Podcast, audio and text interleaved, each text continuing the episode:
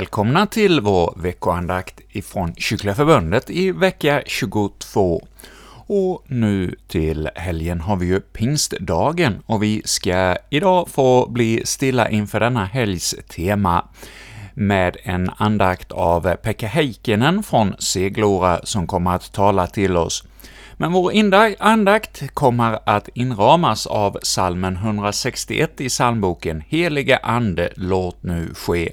Vi lyssnar före andakten till verserna 1 och 2, och det är Slättöks kyrkokör som hjälper oss med sången av denna psalm 161.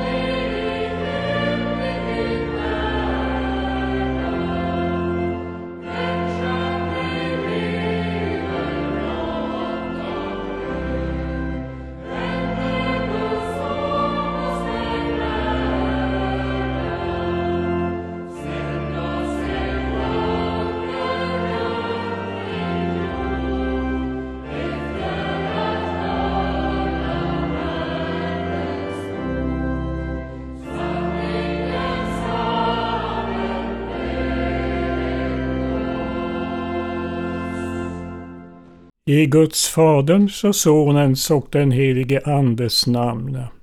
Låt oss be. Herre, samla oss nu alla kring ditt dyra nådesord. Likt ett vårregn låt det falla på vårt hjärtas torra jord. Värdes oss din ande sända och din eld ibland oss stända. Mätta ljuvligt det elända, Herre, vid ditt rika bord. Amen. Den kommande söndagen heter Pingstdagen och vi lyssnar nu till andra årgångens evangelietext på den söndagen. Så här lyder den. Jesus sade till sina lärjungar, om ni älskar mig håller ni fast vid mina bud. Och jag ska be Fadern att han ska ge er en annan hjälpare som alltid ska vara hos er, sanningens ande som världen inte kan ta emot. Ty världen ser honom inte och känner honom inte. Ni känner honom eftersom han förblir hos er och ska vara i er. Jag ska inte lämna er faderlösa. Jag ska komma till er. Ännu en kort tid och världen ser mig inte längre, men ni ska se mig.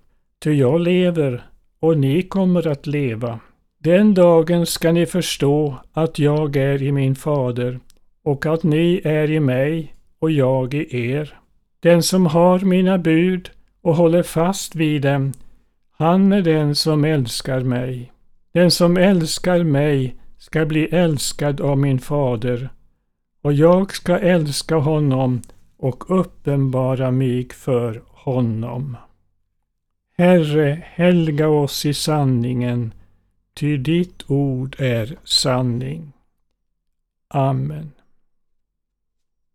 Det ordet i den här upplästa texten som vi först särskilt tar fasta på lyder så här. Jag ska be Fadern att han ska ge er en annan hjälpare. Det är alltså det här uttrycket en annan hjälpare. Så länge som Jesus hade varit tillsammans med sina lärjungar, och det var ungefär tre års tid, så hade han varit deras hjälpare på alla sätt. Men nu skulle han fara tillbaka till sin fader i himmelen efter att först ha blivit bepinad och plågad och korsfäst och dödad och sedan även uppstått ifrån de döda. Då skulle han fara tillbaka till sin fader i himmelen. Och då bad han till sin fader att han skulle sända en annan hjälpare till lärjungarna. Jesus hade som sagt varit deras hjälpare under tre års tid. Men nu när han skulle fara ifrån dem på ett, på ett eh, så att han skulle bli osynlig för dem. De skulle inte se honom längre. Ja, då skulle han skicka dem en annan hjälpare. Och hur det var med den hjälparens synlighet, det kommer vi strax till. Men vi sätter som ämne för predikan Hjälparen som skulle komma. Hjälparen som skulle komma. Och då säger för det första Hjälparen som skulle komma, det var Guds helige Ande, den tredje personen i den enda sanna gudomen. Här kommer vi direkt till den kristna kyrkans främsta och högsta trosartikel. Nämligen tron på den ende sanne guden och de tre personerna i honom. Som kristna ska vi hålla fast vid att det finns bara en sann och levande Gud. Visst finns det mycket som människor på jorden kallar för sina gudar och som de sätter sin lit till. Och visst har även de som kallar sig för ateister och agnostiker, de har också sina gudar, nämligen någonting som de litar på och som de bygger sin trygghet på, till exempel sina pengar eller andra ägodelar, eller sin begåvning, eller vetenskapsmännen, eller läkarna, eller vad det nu kan vara. Men det finns bara en enda Gud som är en levande Gud. Och det är den Gud som Jesus talar till i texten idag, som han ber till och som är hans himmelske fader och som en gång skapade hela världen och håller den vid makt och som det talas om så mycket redan i Gamla testamentets böcker. Vi har redan konstaterat att denne ende Gud har en son, han som i Nya testamentet kallas för Jesus Kristus. Denne son har Fadern haft i evighet så det har aldrig funnits en tid då denne sonen inte fanns. Han har funnits lika länge som Fadern, det vill säga han har funnits alltid. Och det kallas i den kristna trosläran för att Fadern har fött Sonen i evighet. Men Fadern har inte bara en son. Han har också en ande som i Nya testamentet kallas för den helige Ande.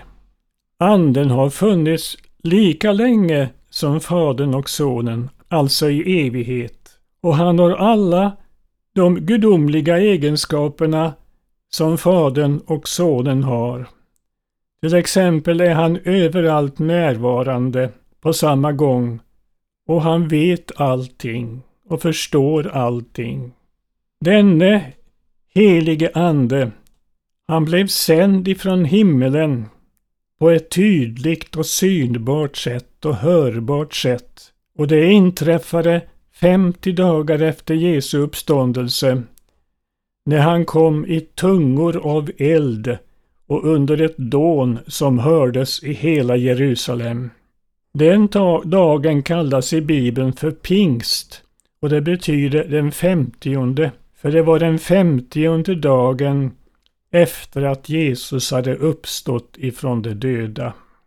Vem var alltså den som Jesus kallar en annan hjälpare som Fadern skulle sända? Ja, det var just denne helige Ande. När Jesus kallar Anden för en annan hjälpare så vill han försäkra att den hjälparen var lika god hjälpare som han själv hade varit. Alltså en person i den treenige Gudens väsen som hade samma gudomliga egenskaper som Fadern och Sonen. Men vem kan begripa vad en treenig Gud djupast sett är och hurdana hans gudomliga egenskaper är? Nej, det mesta utav detta, det hör till fördolda ting för oss hittilldags. Vi får se hur det blir i evigheten. Nu kommer vi till predikans andra del och säger Hjälparen som skulle komma skulle för alltid stanna hos Jesu lärjungar och hjälpa dem med allt som hör till en sann kristendom. Han skulle alltså för alltid komma till Jesu lärjungar och stanna hos dem. Och han skulle hjälpa dem med allt som hör till en sann kristendom. Jesus skulle inte för alltid stanna kvar hos sina lärjungar, utan efter cirka tre år så skulle han fara härifrån och lärjungarna kunde se när han steg upp mot himmelen och försvann i ett moln. Och vi kommer, Jesu lärjungar kommer inte att se honom på nytt innan han kommer tillbaka på den sista dagen i världshistorien för att döma levande och döda. Då kommer man åter att se honom. Men Guds helige Ande, som kom på den stora kristna pingstdagen, han skulle för alltid bli, bli kvar hos lärjungarna. Inte på ett synligt sätt, men ändå på ett sådant sätt att de kunde känna i sina hjärtan och liv hur han arbetade i deras hjärtan och i deras liv med allt som hör till en sann kristendom. Det som den heliga Ande först och främst vill hjälpa oss syndare med, det är att tro och förtrösta på Jesus Kristus, vår frälsare. Hela Bibeln upprepar gång på gång att det är genom tron som en människa blir frälst och salig och befriad ifrån sina olyckor och främst ifrån sina synder, från döden och djävulens hemska herravälde. I Gamla testamentet är det främst i berättelserna om patriarken Abraham som Gud gör klart att det är genom tron som en människa blir frälst. Men detta blir mycket tydligare sagt i Nya testamentets texter. Men samtidigt är det inte vilken tro som helst som räddar, utan det är tron på Jesus Kristus som frälsar. För det finns ingen annan frälsare än Jesus Kristus. Därför är det den helige Andes främsta uppgift att hjälpa oss att tro på Jesus Kristus och det som han har gjort för oss. Och vad är det han har gjort för oss? Både för dig och för mig och för alla. Jo, han led vårt välförtjänta, eviga syndastraff på Golgata kors. Han höll alla Guds heliga bud i vårt ställe. De bud som inte vi förmår hålla, utan som vi bryter emot dag efter dag. Och så betalade han den skuld som vi absolut inte kunde betala, vår syndaskuld. Det betalade han genom att offra sitt heliga och dyra blod.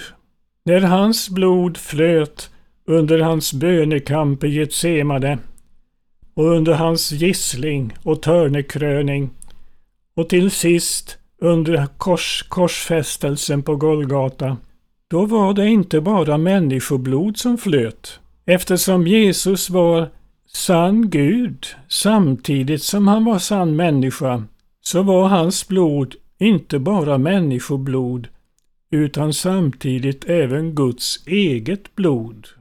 och därför kunde det duga som betalningsmedel för all världens stora syndaskuld. Aposteln Petrus vittnar om detta i sitt första brev där han skriver Ni vet ju att det inte var med förgängliga ting, med silver eller guld, som ni blir friköpta, utan med Kristi dyra blod, såsom med blodet av ett lamm utan fel och lyte. Som vi redan hörde vill Anden först och främst hjälpa oss att tro och lita på vad Jesus har gjort för oss. Men det är inget som han hjälper oss med endast en eller annan gång. Utan det behöver vi hjälp till varje dag. Lika sant som det är att vi syndar varje dag på nytt och att vi i våra hjärtan är syndare så länge vi lever på jorden. När du alltså ber den helige Ande om hjälp i din kristendom så ska du först och sist be om hjälp att tro på vad Jesus har gjort för dig när han bodde såsom människa här på jorden. Men det betyder inte att Anden hjälper oss bara med tron. Det är ju nämligen mycket annat som också hör med till vår kristendom. Dit hör till exempel att vi behöver bättre lära känna oss själva och våra många synder och att vi ska få hjälp till att ångra dessa synder och bekänna dessa synder och lägga bort dessa synder så att vi dag efter dag blir allt mera lik Jesus. Och särskilt detta sista ska vi säga något extra om i predikans tredje och sista del. Vi säger alltså för det tredje, ett tecken på att du har fått hjälp av den heliga Ande, det är att du håller fast vid Jesu bud. Ett tecken på att du har fått hjälp av den heliga Ande, det är att du håller fast vid Jesu bud. Jesus är inne på denna sanning två gånger i vår predikotext. Först säger han, om ni älskar mig, då håller ni fast vid mina bud. Och sedan lite senare i texten säger han, den som har mina bud och håller fast vid dem, han är den som älskar mig. Tidigare i predikan hörde vi hur Guds ande först av allt vill hjälpa oss att tro på Jesus. Men enligt Guds ord är tron aldrig alena. Martin Luther säger visserligen att det är genom tron på Jesus alena som vi blir frälsta. Men så tillägger han Tron är aldrig alena. Den har alltid med sig frukter, nämligen lydnad för Guds bud. Och det är först och främst lydnad för kärleksbudet. Att vi ska älska Gud över allting och vår nästa lika mycket som oss själva. Och denna kärlek gör att människan håller fast vid alla de andra bud också. Så som vi redan hörde Jesus säga, om ni älskar mig, ja då håller ni fast vid mina bud. Nu vill jag komma något in på en annan fråga, nämligen hur viktigt det är hur den grundtexten som är grekiska i Nya Testamentet och hebreiska i Gamla Testamentet, att det är, hur viktigt det är att dessa ord i grundtexten blir översatta på ett bra sätt. I gamla, äldre översättningar så står det att den som älskar Jesus håller Guds bud. Håller Guds bud. Och när de kristna läste detta i sina äldre biblar så uppfattade de det så att, att är man en sann kristen då, är, då håller man fullkomligt alla Guds tio bud. Så uppfattar de översättningen hålla Guds bud. Och de visste ju så väl att de inte gjorde det. Och då drog de den slutsatsen att då var de inga riktiga kristna. De var falska kristna. Men som väl är så har man i nyare bibelöversättningar inte översatt grundtexten med att hålla Jesu bud utan hålla fast vid Jesu bud. Och det är någonting helt annat. Visserligen är det sant att är man en Jesu lärjunge då inte bara vill man lyda alla Guds bud utan man får också hjälp av den helige Ande att göra det allt bättre. Men lägg märke till vad jag säger, allt bättre. För visst finns det en förbättring i sanna kristnas liv. En allt större lydnad för Jesu bud. Men det blir aldrig någon fullkomlig lydnad i detta livet. Men även om en kristen aldrig under detta livet kan hålla Guds bud på ett fullkomligt sätt, så håller han ändå intill döden fast vid Jesu bud. Fast vid Jesu bud. Vad menas då med detta? Hålla fast vid Jesu bud. Jo, därmed menas att man aldrig kommer till att mena och påstå att det inte är noga med att lyda Jesu bud. En sann kristen slutar aldrig att kämpa för att lyda Jesu bud, även om det blir många misslyckande.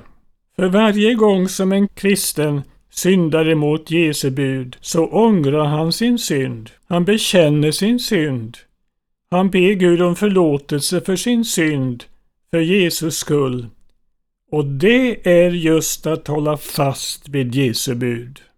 Den som inte ångrar sig, inte kämpar för att lyda Jesus, den människan är en falsk kristen. Men den som efter varje nytt syndafall ångrar sig och bekänner sin synd och ber om förlåtelse i kraft av Jesu lidande död, det är en sann kristen. Det är att hålla fast vid Jesu bud. Han överger inte läran om hur man gång på gång kan få förlåtelse för Jesus skull och att man gång på gång får kasta sig i sin store frälsares armar. Så har vi då helt kort hört om en annan hjälpare. Vem han är och vad han hjälper oss syndare med. Till sist vill jag bara kort tillägga att den hjälparen får vi med att göra när vi läser Guds ord med flit, med bön, med lydnad och i avsikt att bli omvända och frälsta. Nu har du hört en predikan om, om Anden. Men du ska inte nöja dig med att höra, utan du ska också dagligen ta fram din bibel och läsa den i ordning dag efter dag. Så länge du lever och du ser med dina ögon och kan tänka med din hjärna. Och så får du be den helige Ande om hjälp med allt som hör till din kristendom. Du må tro att det är en Gud välbehaglig bön. Amen. Nu ska vi bedja och det ska vi göra genom att sjunga verserna 3 och 4 i den salmen vi började med, salmen 161. Alltså verserna 3 och 4.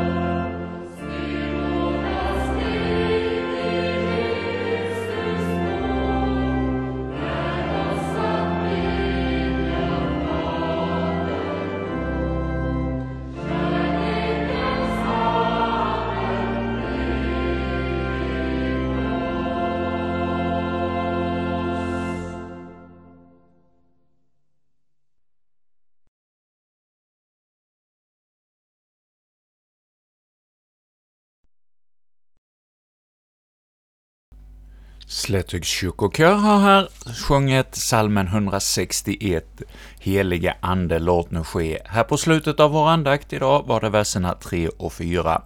Och själva andakten, den leddes idag av Pekka Heikkinen. Och vi från Kycklingeförbundets närradio säger välkommen till er alla att vara med och höra en ny veckoandakt i nästa vecka. Då blir det Magnus Skredsvik som kommer att tala till oss.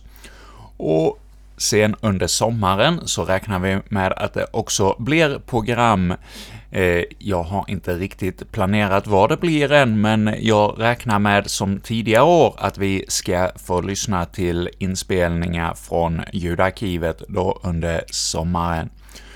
Och nu ska vi då säga tack för oss från Kyrkliga Förbundet för denna vecka, och eh, vi avslutar med salmen 100 Eh, 201 En vänlig grönskas rika dräkt.